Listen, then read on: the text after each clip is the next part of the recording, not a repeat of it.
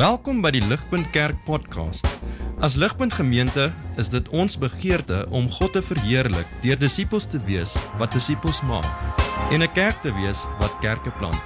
Geniet hierdie week se preek. Vriende, ehm ek dink ons is almal bewus nê van die oorlog heiliglik tussen Rusland en Oekraïne is nou al so klein bietjie meer as 'n jaar. Ek dink dit was laas jaar in Februarie wat dit ten minste onder ons aandag gebring was met die met die uh via die nuus gewees toe Rusland op daardie stadium Februarie laas jaar Oekraïne ingeval het en daai onderste die oostelike suidoostelike gedeelte van die Oekraïne geannekteer het. Um ek dink wat baie van ons nie besef nie, ek, ek het dit nie aanvanklik besef nie, is dat laas jaar het daai oorlog nie eintlik afgeskop nie. Dit het eintlik begin in 2014. In 2014 reeds het Rusland nog bietjie meer in die suidekant van Oekraïne die um Crimean Peninsula geannekteer toe al. So daai oorlog is al vir 10 jaar aan die gang. En die oorlog, en ek dink baie van ons besef dit ook nie noodwendig nie, vir die laaste 10 jaar was die primêre manier wat Rusland besig was om oorlog te gevoer het in Oekraïne was nie by wyse van direkte militêre aanval nie.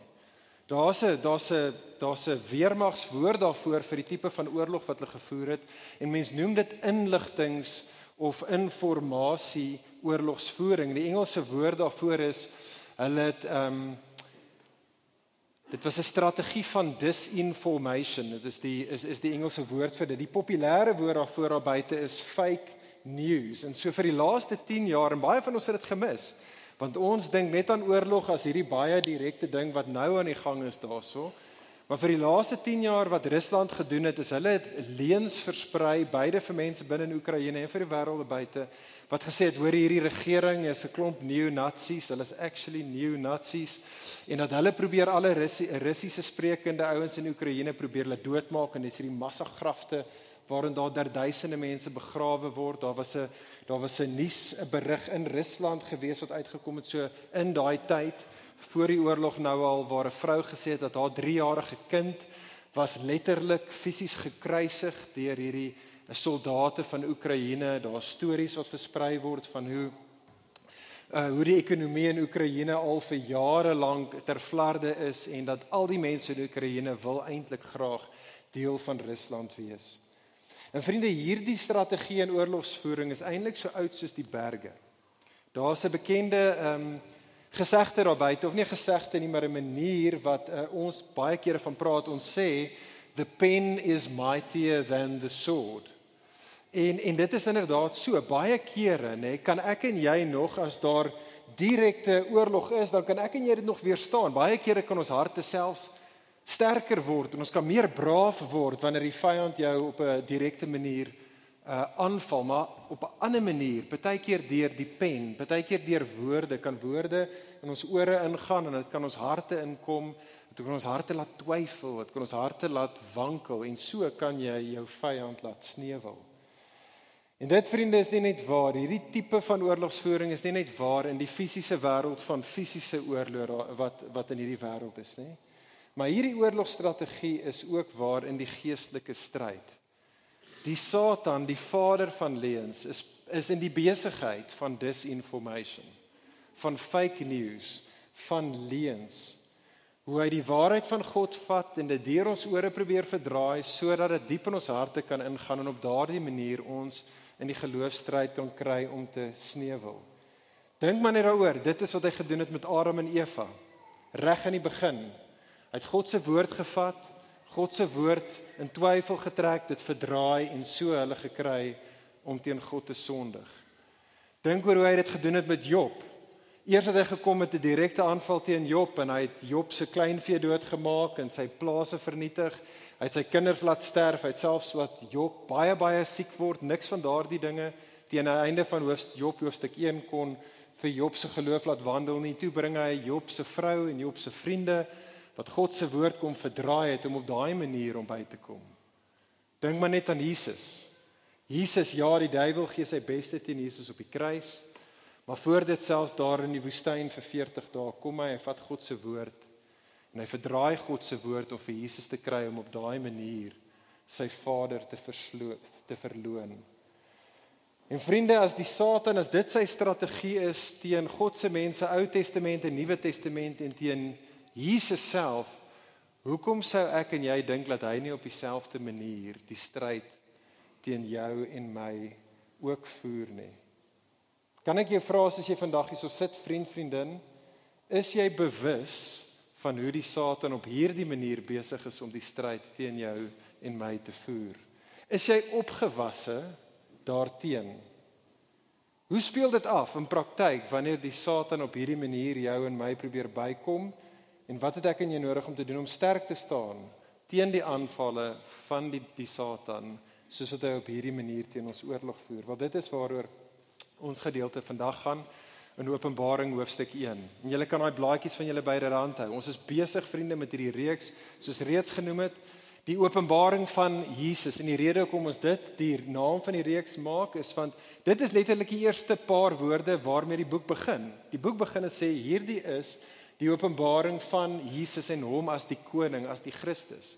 Julle sien ons as die kerk, dis die hele punt van die boek Openbaring. Ons as die kerk sê Jesus bevind onsself as dit ware in hierdie in hierdie stryd in hierdie spervuur tussen die oorlog tussen twee koninkryke. Aan die een kant het jy die koninkryk van God en aan die ander kant het jy die koninkryk van die duisternis en die kerk bevind haarself te midde van die spervuur. En die groot punt van die boek van Openbaring is hierdie is die manier wat ek en jy in hierdie oorlog kan staande bly. Dit is hoe ons kan oorwin, kan volhard in die geloof wat ons nodig het en dis die punt van die boek van Openbaring is ons het die openbaring van Jesus nodig.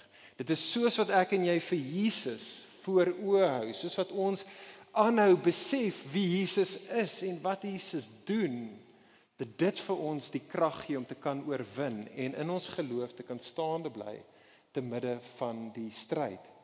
En dit is ook wat ons heidaglik hierso sien. Ons is in die middel van hierdie sewe briewe aan die sewe kerke en in die eerste twee briewe het ons presies dieselfde ding gesien en ons sien dit ook hier vandag. Jesus kom na die kerk toe, vandag na die kerk in Pergamum toe. En Jesus sê vir die kerk: "Onthou wie ek is. Onthou 'n spesifieke aspek van wie ek is. Dit is wat jy nodig het om te oorwin." So sien julle dit raak saam in die gedeelte vriende. Ons is daar by vers 12 in ons gedeelte vandag. Soos Jesus hierso praat met die kerk in Pergamum, hierdie kerkie 2000 jaar gelede in Klein-Asië, moderne Turkye, is hierdie die spesifieke openbaring van Jesus wat Jesus, wat Jesus wil hê hierdie kerk moet onthou. Vers 12. Jesus sê vir die kerk: "Onthou dat ek is die goddelike krygsman van die Ou Testament, uit wie se mond vers 12 hierdie skerp swaard kom wat twee snykante het."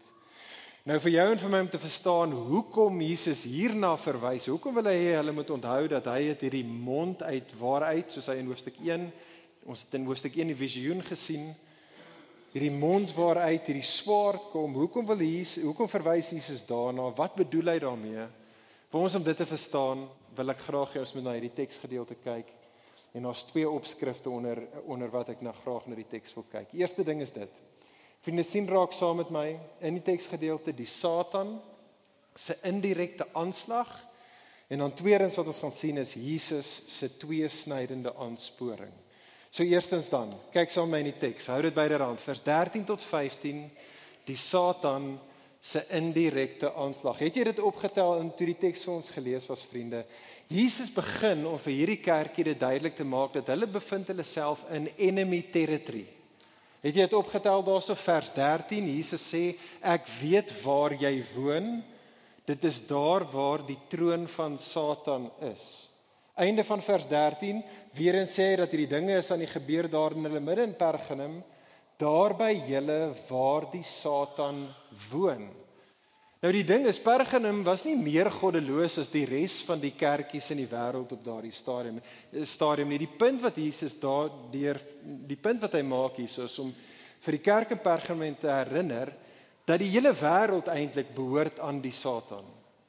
Die Satan is die prins van hierdie wêreld. Hy is soos die farao oor die wêreld en die mensdom van nature af is in slawerny, vasgevang verblind deur, vasgevang in hulle sonde onder die farao van hierdie wêreld.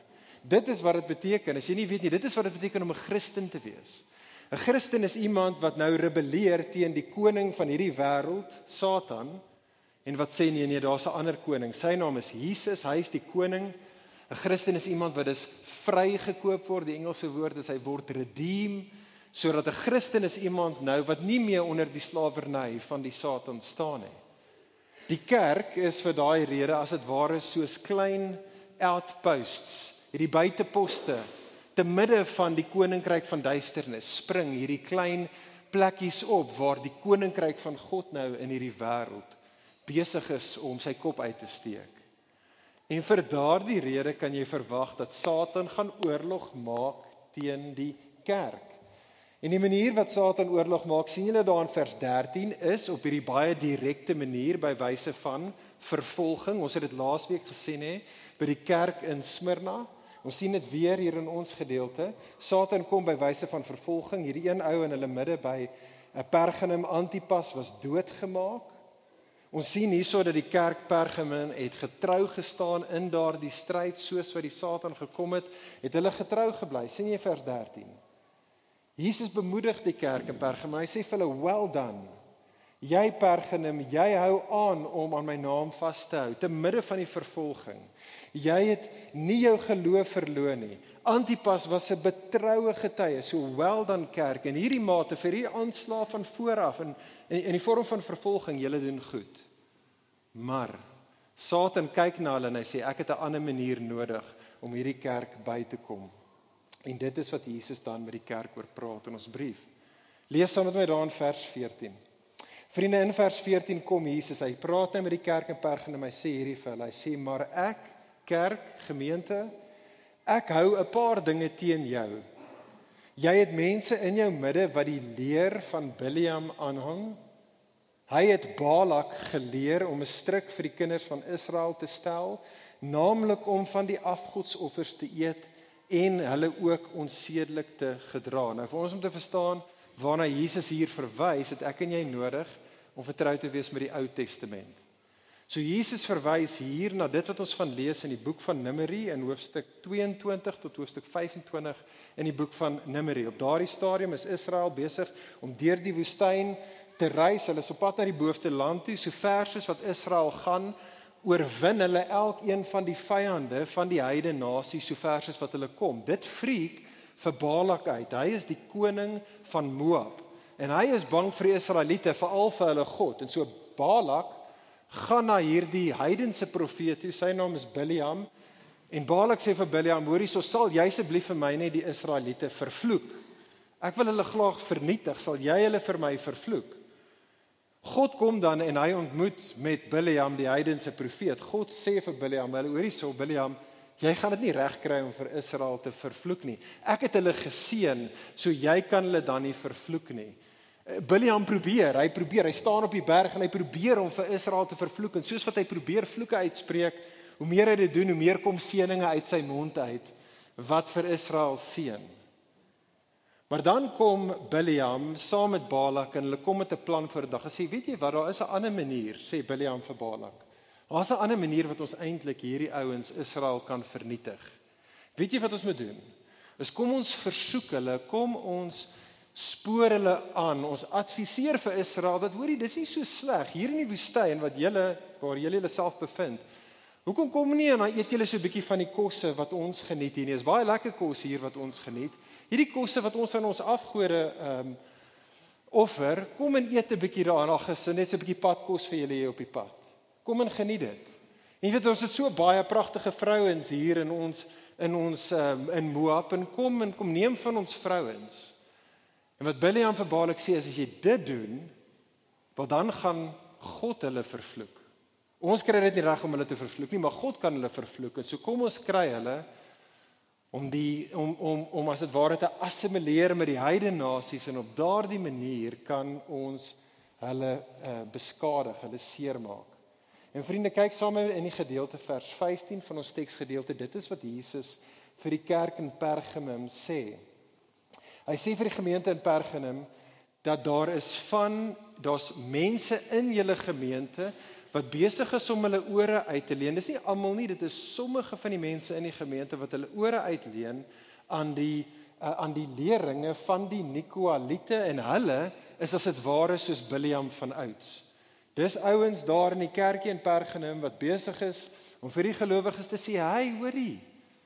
Chill so 'n bietjie. Moenie so eng wees nie. Kom en assimileer 'n klein bietjie met die res van die heidense kulture hier om ons in Klein-Asië, veral wanneer dit kom in die area van afgoderry, moenie nie so ernstig vat nie en veral as dit kom in die area van onsedelikheid.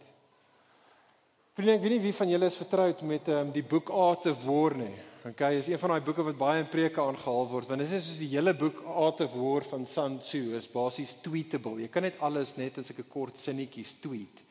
Uh die boek Art of War, Sun Tzu was hierdie Chinese militêre generaal meer as 2.500 jaar gelede. En een van die bekende aanhalinge, kyk jy saam op die skerm wat jy in die boek vind, sê Sun Tzu die volgende ding. Hy sê The supreme art of war is to subdue the enemy without fighting. En vriende in die verband is die Satan die meester strateeg. Jy sien terwyl ons as die kerk verbeel jouself, jy sit daar so amper op jou voorstoep. Jy sit op jou voorstoep en jy het jou geweer en jy's net reg vir die Satan wat van voor af gaan kom en met sy gewere en sy tanks jou gaan aanval. Sit jy op jou voorstoep en ek en jy is reg vir die Satan wat gaan kom om ons te kom aanval by wyse van vervolging. Wat doen die Satan? Hy glip by die agterdeur in. Hy glip by die agterdeur in en hy vermom homself as 'n engel van lig, as 'n engel van waarheid en hy kom met 'n skinkbord vol van verbode vrugte na jou en my toe vanuit die binne die konteks van die kerk uit en Satan sê vir jou en vir my, "Hey, soos wat jy oorlog maak, jy moet sekerlik baie honger wees. Kom en eet, kom en neem, kom en geniet. Het God regtig gesê jy kan nie van hierdie eet nie? Voel hierdie is so goed. Hierdie is so goed. Hierdie is so lekker. Jy weet jy wil en weet jy wat God wil dit ook vir jou hê. God wil hê jy moet gelukkig wees. Kom neem en eet en so ons die kerk neem en eet die verbode vrugte van die heidense kultuur En stadig maar seker vergiftig dit ons. Dit vergiftig ons geloof. En vriende, dis die punt van die teks vandag. Dit is wat Jesus hier vir die kerk in Pergamum sê. Dit is wat die gemeente in Pergamum besig was, die manier, hulle het so goed gedoen teen die direkte aanvalle. Maar hierdie meer slinkse subtiele maniere wat deur ore by harte kan uitkom. Hulle was besig om hierdie stryd te verloor en vriend vriendin ligpunt die vraag vir ons is hoe doen ons in hierdie verband? Kyk saam met my weer daar in vers 14 tot 15. Drie keer daar sien ons dat die klem hierso lê op die idee van lering. Die woord lering kom 3 keer hier voor. Vriende, reg deur die Bybel, reg deur die Nuwe Testament. Ek wil so ver gaan om te sê amper amper elke Nuwe Testament brief wat ons het is 'n waarskuwing vir die kerk teen valse lering. Ligpunt kan ek ons vra, hoe speel dit uit in ons hedendaagse westerse kultuur? Hoe lyk die valse lering want dit was in elke brief in die Nuwe Testament? Hoe lyk dit vandag in Pretoria in 2023? Hoe lyk dit spesifiek in ons Afrikaanse kultuur? Christendom konteks. Kan jy dit identifiseer? Vriende, is ons opgewasse teen dit. Teen hierdie subtiele, slinkse strategie van die Satan. Ek en jy, ons as gemeente, ons as gelowiges, moenie so naïef wees om te dink, ja, fair enough, dit is hoe Satan eers daar ver weg in ander kerke is hy besig om ander ouens so te vang maar dat hy vang nie vir jou en vir my op hierdie slinkse en subtiele maniere nie. Jy sien in vers 14 daar word hierdie valse lering beskryf in die Afrikaans as 'n stryk. Die Engels is eintlik hier nader aan wat dit in die oorspronklike taal sê, dis die idee van 'n struikelblok, maar wat beide 'n stryk en 'n struikelblok doen is dit is dinge wat ja jou kan seermaak, maar die hele punt van 'n stryk, die hele punt van 'n struikelblok is dat dit kan jou baie maklik omkant betrap. Jy dink nie die stryk is daar nie. Maar hy's daar en hy vang jou. Jy sien nie die struikelblok maklik nie. As jy hom gesien het, sal jy nie oor hom val nie. Dit is juis so dat dit jou omkant betrap. So vriende is dit met valse lering. Daar is in alle valse lering net genoeg waarheid wat aan jou en my voorgehou word om ons om die bos te kan lei. Daar is in valse lering net genoeg compromise, net genoeg kompromie om ons geloof stadig maar seker te vergiftig en te verswak. Inderdaad, ek dink ons lewe as moderne Christene lewe ons in 'n tydperk waar dit ekstra moeilik is want wat verdere slim strategie van die Satan is dat die grootste deeg in die moderne wêreld het tolerance geword. Ons is 'n wêreld waar die grootste sonde in die wêreld is dat ek en jy kan beskuldig word maar hoor hierso jy is nou intolerant. Hoe kan jy so gemeen wees? En vir iemand anders te sê dat hy verkeerd is. Hoe kan jy so verskriklik wees om iemand te kritiseer en hom of haar te veroordeel. En dit is treffend vriende in die gedeelte dat Jesus speel nie daai speletjie nie. Jesus in feite gaan verder. Jesus name and shame die valse leraars in hierdie gedeelte. Hy noem hulle op die naam. Hy sê dit is die Nikolaite. Hy het in die eerste brief vir die kerk in Efese in hoofstuk 2 vers 6 het hy gesê ek haat die werke van die Nikolaite. Wel dis wat Jesus doen. Jesus doen dit nie omdat hy nie liefdevol is, nê? Jesus doen dit juis omdat hy so lief is vir sy bruid die kerk. Hy het sy lewe neergelê vir sy bruid. Hy wil nie hê dat sy bruid moet op enige manier seer gemaak en beskadig word nie. En vriende, ek is van die diep oortuiging dat die spesifieke areas wat Baal Biliam in die Ou Testament die volk Israel mee gevang het, die spesifiek wat presies dieselfde is duisende jare later vir die kerk in Pergene met die Nikolaite presies dieselfde areas bly vir jou en vir my in ons moderne kultuur nog steeds die gunsteling primêre maniere wat die valse leraars van vandag vir jou en vir my probeer kry om te assimileer met 'n heidense kultuur om ons. Dis nog steeds in dieselfde areas. Vriende wat valse lering van binne af die kerk af doen vir jou en vir my is om vir ons te sê, "Hey, ontspan, Christen, moenie so ernstig wees nie." uh, kom en water net so klein bietjie. Dit wat almal sê is afgoderry, kom ons water dit so klein bietjie af. Kom ons buig en kom ons kniel voor die altaar van die afgode van ons tyd. Ag die Here verstaan. Hy verstaan dat jy hierdie dinge nodig. Kom ons kniel voor die altaar van geld. Kom ons kniel voor die altaar van ons werke. Kom ons kniel voor die altaar van ons kinders of ons taal of ons regering.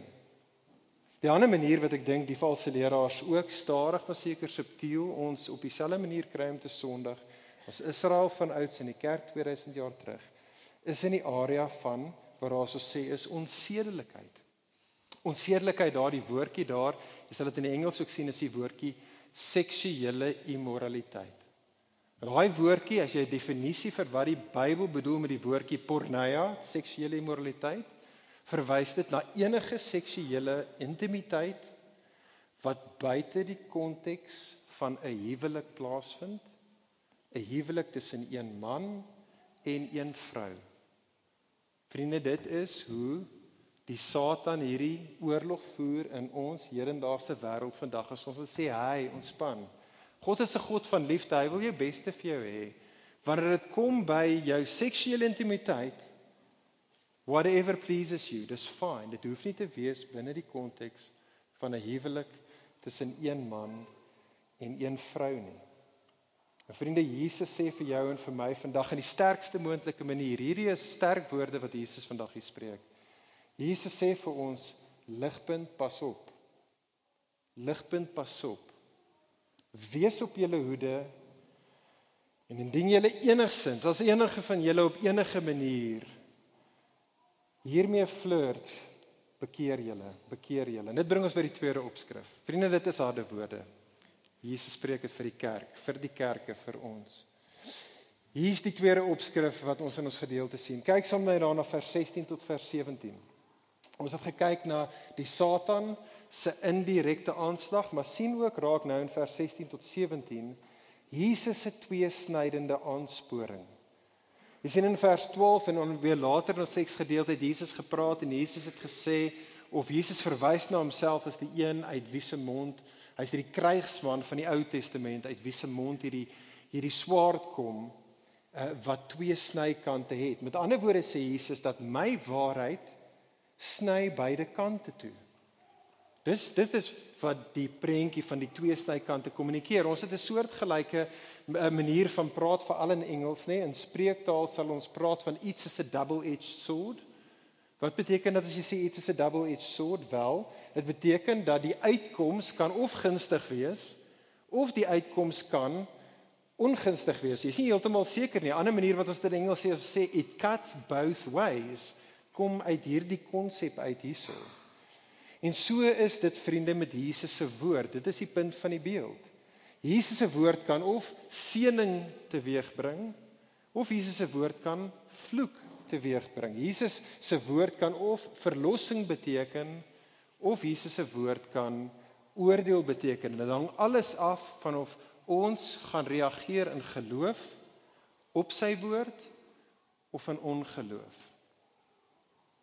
En dit is wat ons sien in vers 16 tot 17. sien dit raak saam met my.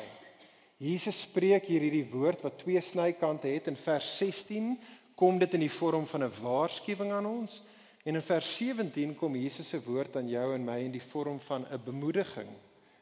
Beide is aansporings, een is 'n waarskuwing, aansporing en die ander een is 'n bemoediging, aansporing. So die waarskuwing eerste, vers 16. Jesus sê: "Kom dan, kerk, kom dan tot bekering. Hy praat met die hele kerk. Kom dan tot bekering. Anders sal ek baie gou na julle na Pergamum toe kom en met die swaard van my mond teen hulle, dit is die gemeentelede wat die valse leraars aanhang, kom oorlog maak. En vriende, ek en jy weer eens moenie so dink, "Ja, maar hierdie Jesus klink darm verskriklik. Hy klink nie baie liefdevol nie." En vriende, dit wat Jesus hierso sê, kan nie meer liefdevol wees nie. As iemand wat gangrene het, ek weet nie wat is gangrene in Afrikaans nie. Ek het dit gegoogel te gee vir my gangreen en ek is seker dit was verkeerd geweest. Ek ek weet nie wat jy dit in Afrikaans sê nie. Maar vir ons nie mediese persone soos ek nie, gangrene is in 'n mate, ek dink, hoop ek's reg, daar waar 'n mate jou jou vlees begin vrot, wegvrot, verteer word. En dit kan iemand se dood beteken. So as jy by die as jy by die die dokter kom en die dokter sê vir jou luister hier hierdie gangrene is besig om totaal hand uit te ruk. Ons moet jou been amputeer. Anders sterf jy. Dan is die dokter nie liefdeloos omdat hy jou been wil amputeer of jy sê nou moet ons jou been amputeer nie. Hy is lief vir jou. Hy wil seker maak jy bly lewe. Vriende, dit is wat ons hierso sien in hierdie gedeelte. Dit is wat ons sien van Jesus. Jesus sê vir die gemeente in Pergamum, hy sê kerk bekeer julle kerk bekeer, julle draai weg van die valse lering eh, af wat in julle plaaslike liggaam posgevang het, posgevat het. Doen dit sê Jesus voor dit te laat is. Anders te gaan ek die goeie en die ware geneesheer moet kom met my skalpel, met my swaard. En ek sal julle as die kerk moet dissiplineer. Ek gaan 'n noodoperasie moet kom toepas in julle midde om toe te sien dat die hele liggaam die hele gemeente nie tot sterwe kom nie. So dit wat Jesus hierso sê is eintlik sulke liefdevolle woord. Hy sê kom, reageer terwyl daar nog tyd is. En vriende, dit is wat Jesus ook vir ons vandag hierso sê, soos wat ons hier vandag hierso sit ligpunt, kom ons dink nie aan ander mense, selfs die ou wat langs jou sit of ander kerke daar buite nie. Ander kerke het nodig om met Jesus besigheid te doen. Ons het nodig om Jesus se woord aan ons te hoor. Kom ons hoor hierdie woord, dit is 'n woord vir jou en vir my. Kom ons wees 'n gemeente wat regtig onsself toespits daaraan om 'n Bybelse palet as dit ware te kweek in ons. 'n Mense wat 'n honger te het vir Bybelse lering. Kom ons ontwikkel as dit ware 'n 'n neus wat kan begin ruik wanneer iets nie in lyn is met dit wat God in sy woord die Bybel vir ons gee nie. Kom ons kultiveer geestelike gesondheid by wyde by wyse van Jesus se goeie woord sodat Jesus nie nodig het om later te kom en op 'n dramatiese manier gesondheid in ons midde uh, te kom te kom ingryp daarmee nie. Hier's die tweede, die laaste ding wat Jesus dan sê vir die kerk. Jesus sê daar, kyk jy sien julle saam met daar in vers 17. Dit kom as 'n bemoediging. Jesus sê in vers 17 gee hierdie bemoediging, die bemoediging het twee beloftes wat Jesus sê, twee beloftes vir die wat sal oorwin. En hier is oorwinning om getrou teen die valse lering lering te bly staan. Jesus sê wat hom hoor op sy woord en bekeer, die wat vas staan teen die valse lering. Jesus sê 'n tweeledige belofte. Eerstens sien julle daar in vers 17, ek sal vir hulle, sê Jesus, die verborgde manna gee. Nou die manna behoort jou en my weer eens terug te vat na Israel toe, nê? Nee, die verborgde manna vat ons terug daar na Israel, soos wat God se mense in die Ou Testament in hulle woestyn bestaan, is God die een wat vir hulle kos gegee het. En so wat Jesus hierso sê vir ons as die kerk, hy sê hoor hierso, ehm um, Christene, moenie kyk op vers 14 Moenie luister na die Biliams van hierdie wêreld wat vir jou kos voorhou wat eintlik aan afgode geoffer is nie. Nee, ek sal die een wees wat jou voed. Ek sal die een wees kerk wat vir jou die kos sal gee wat jy nodig het hier in jou woestyn bestaan soos wat jy op pad is na die beloofde land toe. Ek sal na jou omsien. Die verborgde manna is natuurlik Jesus self.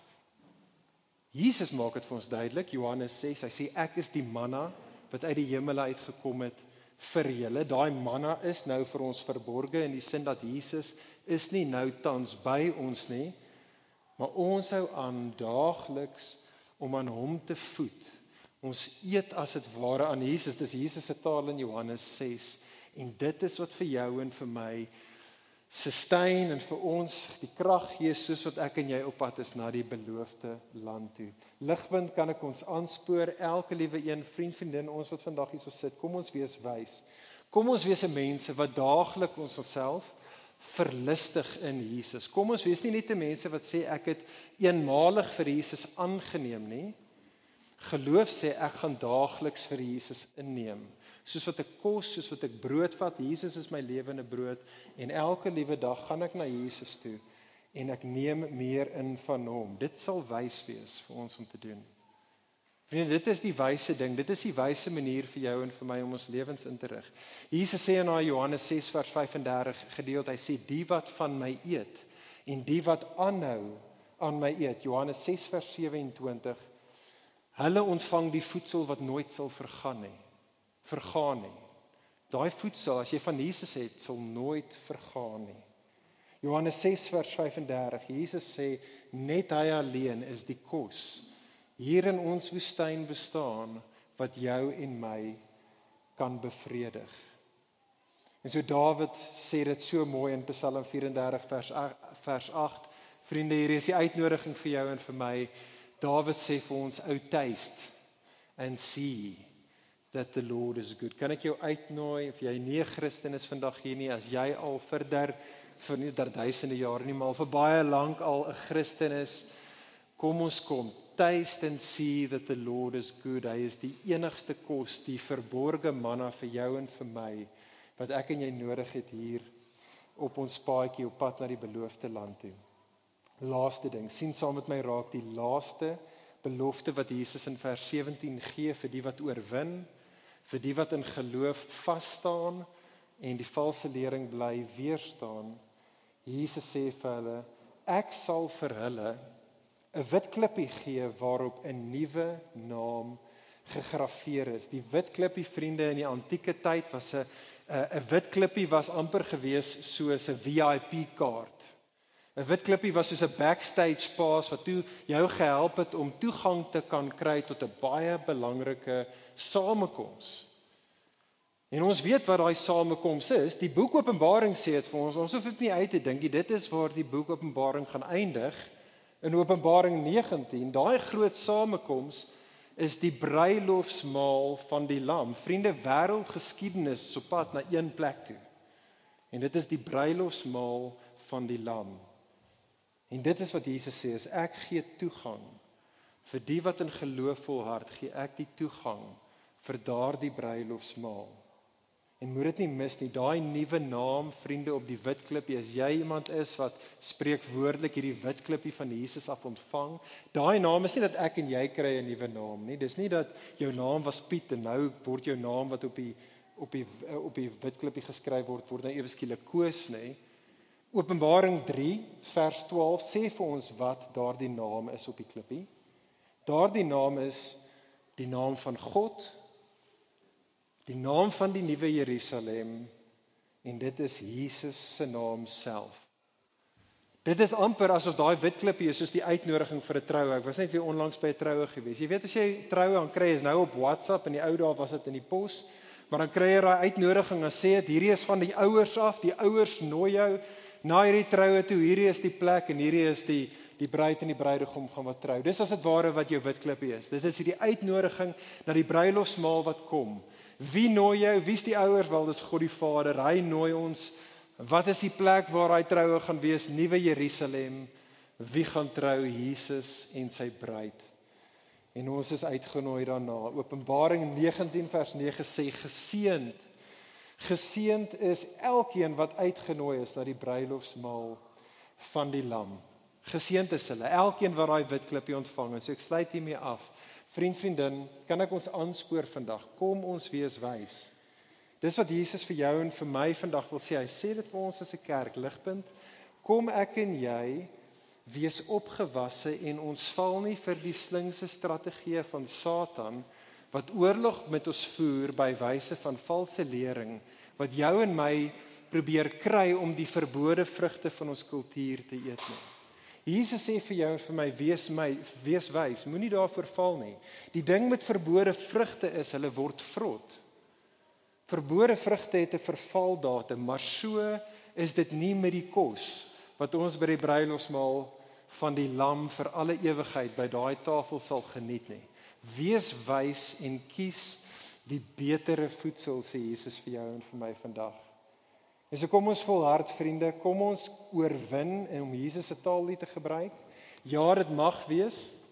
Ons is nou in ons woestyn bestaan. Dit mag wees dat baie kere gaan daardie verbode vrugte van die afgode gaan vir ons nou partykeer meer aanloklik lyk as die manna. Dit mag dalk so lyk.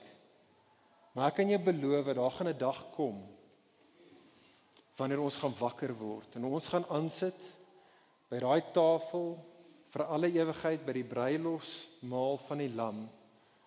En dan gaan ons almal wat daar is gaan uitroep soos een man. Ons gaan sê geseënd is hulle wat hier is. Geseend is elkeen wat uitgenooi is en oorwin het en wat nou kan wees by die bruilofsmaal van die lam. Kom ons bid saam.